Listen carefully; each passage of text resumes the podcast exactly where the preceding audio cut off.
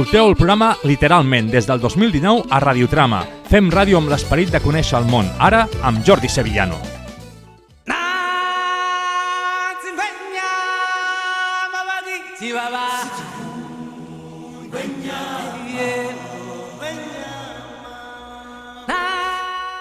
Benvinguts i ben tornats a una temporada més de Literalment. Una temporada amb moltes sorpreses que anireu veient durant la temporada. Però dir-vos que en el grup A no serà com era abans. I no us faré spoilers perquè aneu, ho aneu veient. Moltes gràcies per, per seguir-nos a, a Literalment i una temporada més. Moltes gràcies. A Twitter i Instagram som arroba guionet baix, literalment guionet baix. Segueix-nos i digues la teva.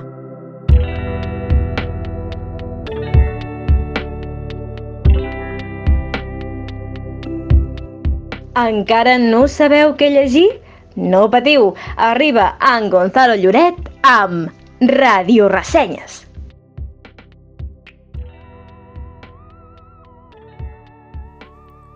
Buenos días, soy Gonzalo Lloret y hoy os vengo a hablar de una de las obras fundamentales de la literatura de ciencia ficción, Solaris de Stanislav Lem. Stanislav Lem nació en Polonia en 1921, en una familia de origen judío. Vivieron la invasión nazi de su país y sobrevivieron al holocausto gracias a una documentación falsa que les permitió permanecer encubiertos hasta la llegada de los soviéticos en 1945. Su ciudad natal fue anexionada a Ucrania y Polonia se convirtió en miembro de la URSS tras la Segunda Guerra Mundial. Lem estudió medicina pero nunca ejerció, en parte porque eso le habría obligado a convertirse en médico militar durante la guerra y porque la vista de la sangre le desagradaba. En 1946 comenzó su dedicación a la escritura, y no solo ficción, sino también textos científicos y filosóficos, algo que también se ve en su novela Solaris. El interés de Lem por la ciencia ficción vino en parte determinado por la censura estalinista, que era mucho más laxa con ese tipo de literatura, aunque el autor siempre estuvo en entredicho porque sus libros no exaltaban el triunfo del realismo socialista. En sus inicios escribió algunos textos comprometidos, en gran medida por presión ideológica, textos de los que no se sentía orgulloso y de los que más tarde se publicó en 1961 y muy pronto se convirtió en un éxito de ventas y en uno de los libros más representativos de Lem. Debido a su fama, Lem pudo permitirse escribir con un poco más de libertad, aunque nunca contó con los medios y facilidades que tenían otros escritores del género que vivían en Occidente. ¿De qué trata Solaris? Solaris es el nombre de un misterioso planeta que gira alrededor de dos soles, en una lejana galaxia. El planeta está cubierto por un inmenso océano protoplasmático que parece ser una entidad alienígena. Los científicos llevan décadas estudiándolo, hasta el punto de haber construido una estación espacial que orbita a su alrededor. La ciencia que se encarga de analizar el planeta se denomina solarística y ha sido motivo de debate y controversia dentro de la comunidad científica por la disparidad de teorías y opiniones sobre la naturaleza de ese mar gelatinoso. Gran parte del libro se dedica a ponernos en antecedentes de las diversas hipótesis que los estudiosos de la Tierra han propuesto sobre Solaris, sin que ninguna de ellas sea narrada en primera persona. Chris Kelvin, el protagonista, nos cuenta su llegada a la estación Solaris, donde tres científicos han estado viviendo una larga temporada. Uno de ellos, Givarian, mentor de Kelvin, se ha suicidado unas horas antes de su llegada. La primera impresión de Kelvin al llegar es que los dos ocupantes de la estación no están en sus cabales, e intenta en vano descubrir por qué motivo su amigo se ha suicidado. Muy pronto llega a la conclusión de que la entidad tiene una capacidad intelectual muy desarrollada, capaz de penetrar en los recuerdos de los científicos y recrear a personas del pasado, que aparecen en la estación con la identidad de las personas a las que se asemejan. Así, Chris se despierta la mañana siguiente y encuentra en su habitación a Harry, su antiguo amante, que se suicidó por su culpa. Sin embargo, no se trata de la Harry real, sino de una recreación modelada por la entidad alienígena con la que comparte comportamientos, expresiones y recuerdos, todos extraídos este de la mente de es el detonante de toda una reflexión sobre la identidad, la existencia y aquello que nos hace humanos, pues esa nueva Harey poco a poco va analizando la situación y cuestionando su propia realidad. Lem se vale del personaje y de su evolución para hacernos pensar en temas tan candentes como la inteligencia artificial, las recreaciones virtuales y la condición única de la existencia humana. Junto a este tema, uno de los secundarios de la novela destaca la imposibilidad de contactar con la entidad alienígena, objeto de numerosos intentos de comunicación que resultan en vano. La novela además rompe con la tradicional representación de los seres extraterrestres como antropomorfos o con cierta similitud a los humanos, abriendo todo un universo de posible vida inteligente completamente diferente a nuestros planteamientos mentales. La lectura despierta muchos interrogantes y sugiere muchas dudas, tanto desde un punto de vista científico como filosófico, y permite interpretar la historia de diversas maneras. Es un libro muy interesante, de lectura amena, que encantará a todos los aficionados a la ciencia ficción y a aquellos interesados en cuestiones como el conocimiento, los límites de la comunicación o la posible existencia de otros mundos. Un autor más que recomendable. Feliz lectura. Solaris, una palabra compuesta por sol y iris. Gracias, Gonzalo. Escolteu el literalment, amb Jordi Sevillano. La memoriosa, de Jordi Masó.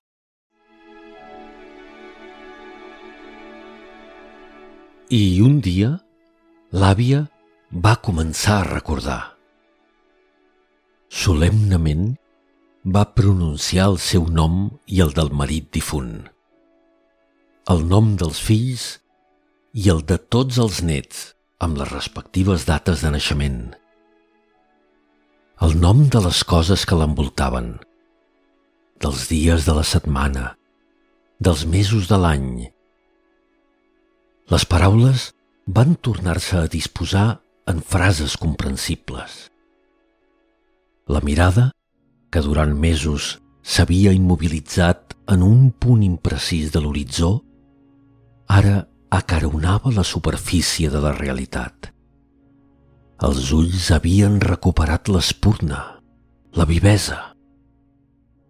Era un miracle. però el doctor va examinar-la amb les celles arrufades. És un cas d'Alzheimer invers, una malaltia degenerativa. Vam corregir-lo. No convindria anomenar-la regenerativa? El doctor va dedicar-nos un somriure condescendent. No es facin il·lusions. L'oblit és consubstancial amb l'ésser humà. Vivim perquè oblidem. Si no ho combatien, l'àvia ho recordaria tot. Errors, desgràcies, traïcions, vileses, tot allò que el temps havia aconseguit esborrar. La memòria és un llast insuportable, va sentenciar. Va receptar-li un fàrmac destruïa les neurones, deteriorava les connexions, impedia la regeneració fatal. No li vam administrar mai. Vivim perquè oblidem.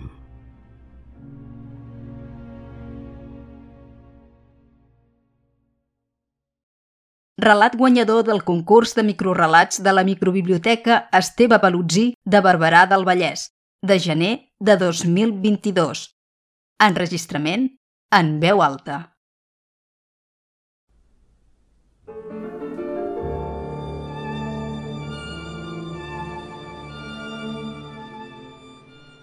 És el mateix mar, tot i que no ho sembla. Qui ho diria? Tan blau i tan fosc, ben lluny de terra.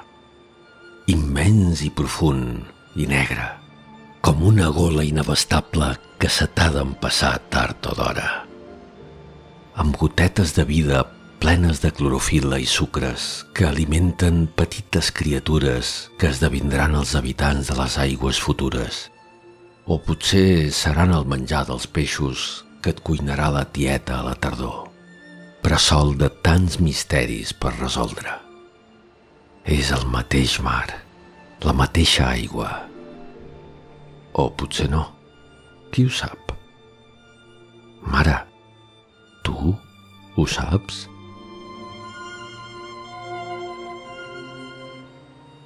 Quan la veus tan transparent com si no hi fos, sobre els esculls de coralls de colors suaus, poblada de milers de petits peixets llampants, o sobre les catifes verdes d'algues a les seves sorres blanques, càlida com una abraçada de la mare que t'estima i t'amanyaga, suau i salada com un brou tebi, d'aquells que et feia la iaia, amb llumetes que brillen en les nits de primavera com si tot fos cel i el cel fos mar i els estels fossin a l'aigua banyant-se amb tu en aquelles nits d'orgies del Palolo. I els petits crancs que et fan pessigolles als peus. Vols dir que és la mateixa mar? Potser sí. O potser no. Mare, que ho saps?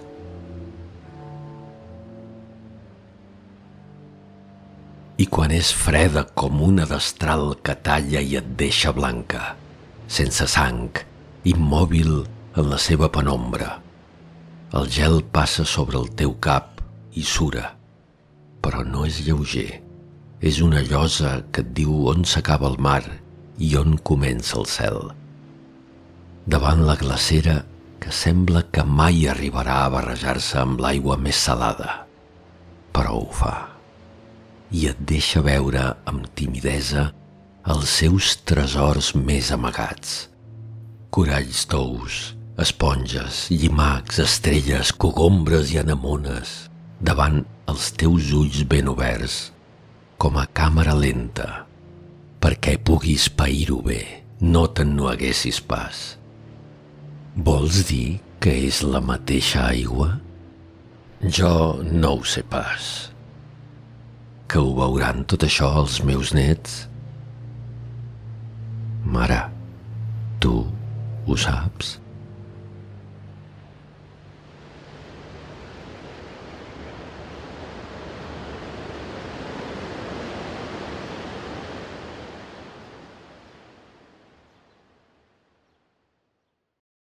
Mare, tu ho saps?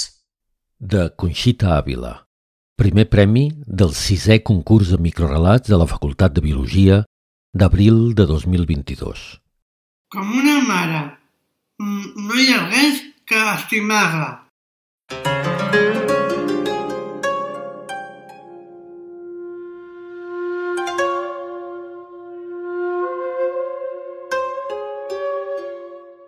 Prepareu la maleta perquè a continuació viatgem a la Catalunya japonesa del Juan.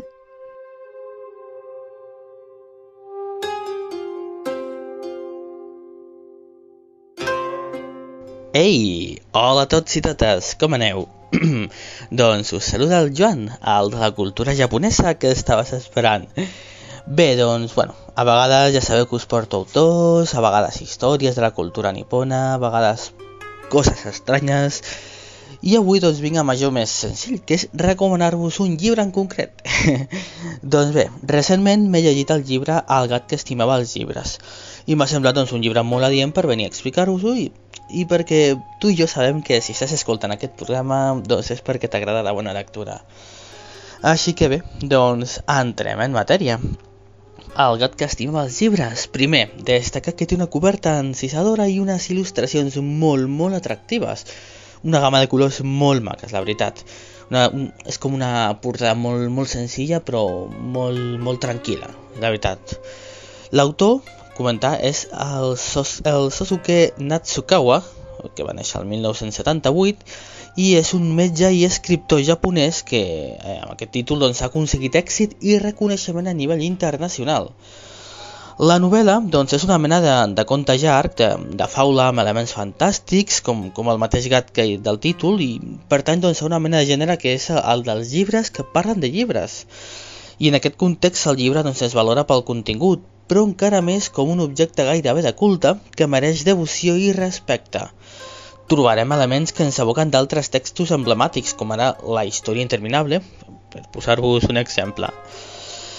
També doncs, està disposat a situar-nos en el context a l'hora d'acceptar una lectura que és, és poc realista, la veritat, tot i que està elaborada amb molta grapa, i que no defuig d'un discurs moralitzant pel que fa a la lectura, considerada de forma global com un valor indiscutible.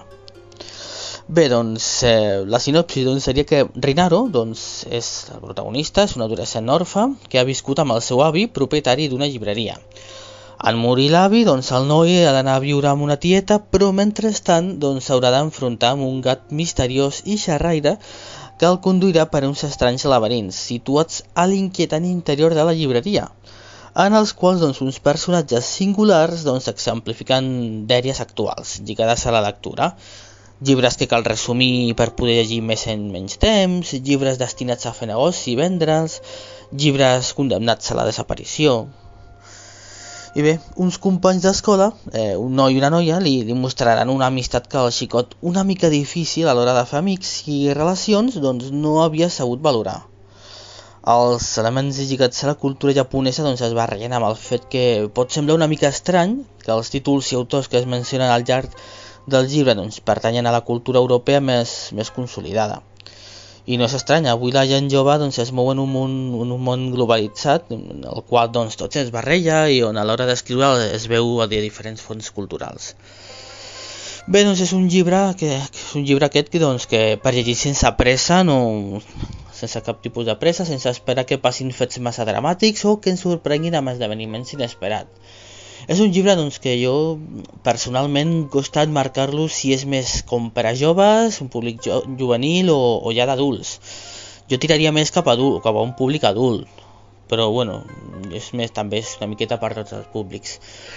És, bueno, es tracta d'una història amb diferents nivells de lectura, lligada a la maduració, el creixement, la necessitat humana de trobar el nostre lloc al món, i és una història doncs, aparentment senzilla, però, però té una atracció molt especial, la veritat el fet de, també de ser doncs, un llibre bonic doncs també, clar, això també ha ajudat una miqueta a la seva difusió perquè clar, és que ha estat un èxit de ventes eh, a nivell internacional.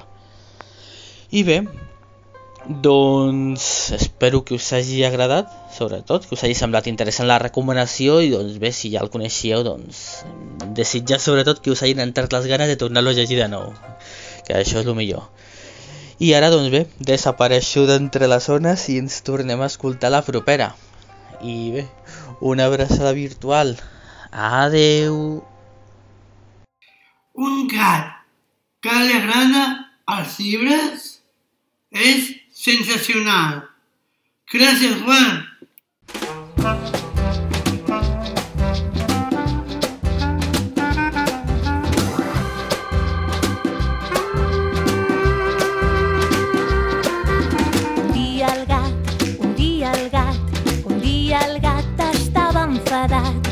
Els amics del seu carrer volien que estigués més bé. I el conill s'hi va acostar, ell el volia ajudar. Ei, amicat, para atenció, fes molts salts i estaràs molt millor. Jugant i ballant, cantant i saltant, fes que tot això se'n vagi del teu cap. Jugant i ballant, cantant i saltant, fes que tot això se'n vagi del teu cap. Uh!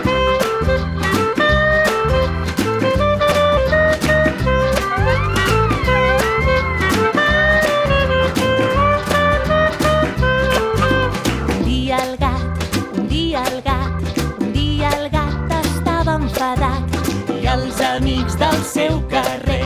Volien que estigués més bé. I el porc senglar s'hi va acostar. Ell el volia ajudar. Ei, amic gat, para atenció mou el cul i estaràs molt millor.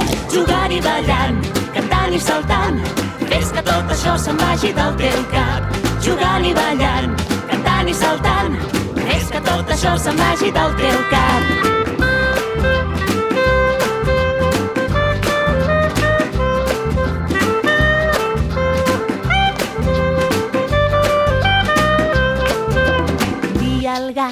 un dia el gat, un dia el gat estava enfadat i els amics del seu carrer volien que estigués més bé. I el ratolí s'hi va acostar, ell el volia ajudar. Ei, amic gat, per atenció, unes pessigolles i estaràs molt millor. Jugant i ballant, cantant i saltant, fes que tot això se'n vagi del teu cap. Jugant i ballant, cantant i saltant, fes que tot això se'n vagi del teu cap. Jugant i ballant, cantant i saltant, fes que tot això se'n vagi del teu cap. Jugant i ballant, cantant i saltant, crec que ara ja no estic tan enfadat. Un gat enfadat és molt dolent i et pot fer mal. Aneu molt en compte.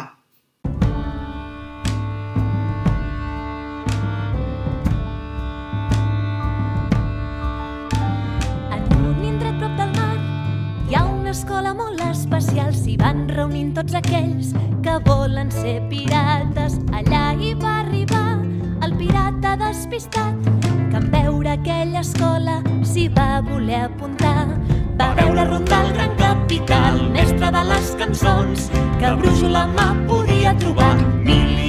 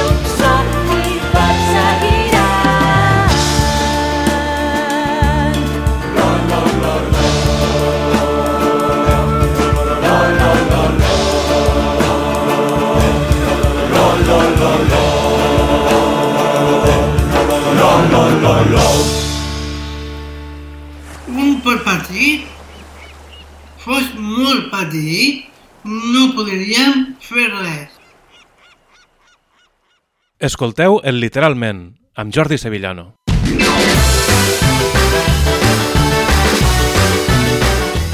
Gràcies a, a, als nostres col·la- col·laboradors eh, d'aquesta se- d'aquesta setmana. Espero que us agradi eh, el contingut que, que porten. fins a la pròxima.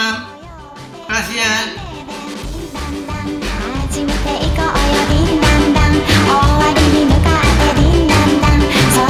進むよ。切ないで。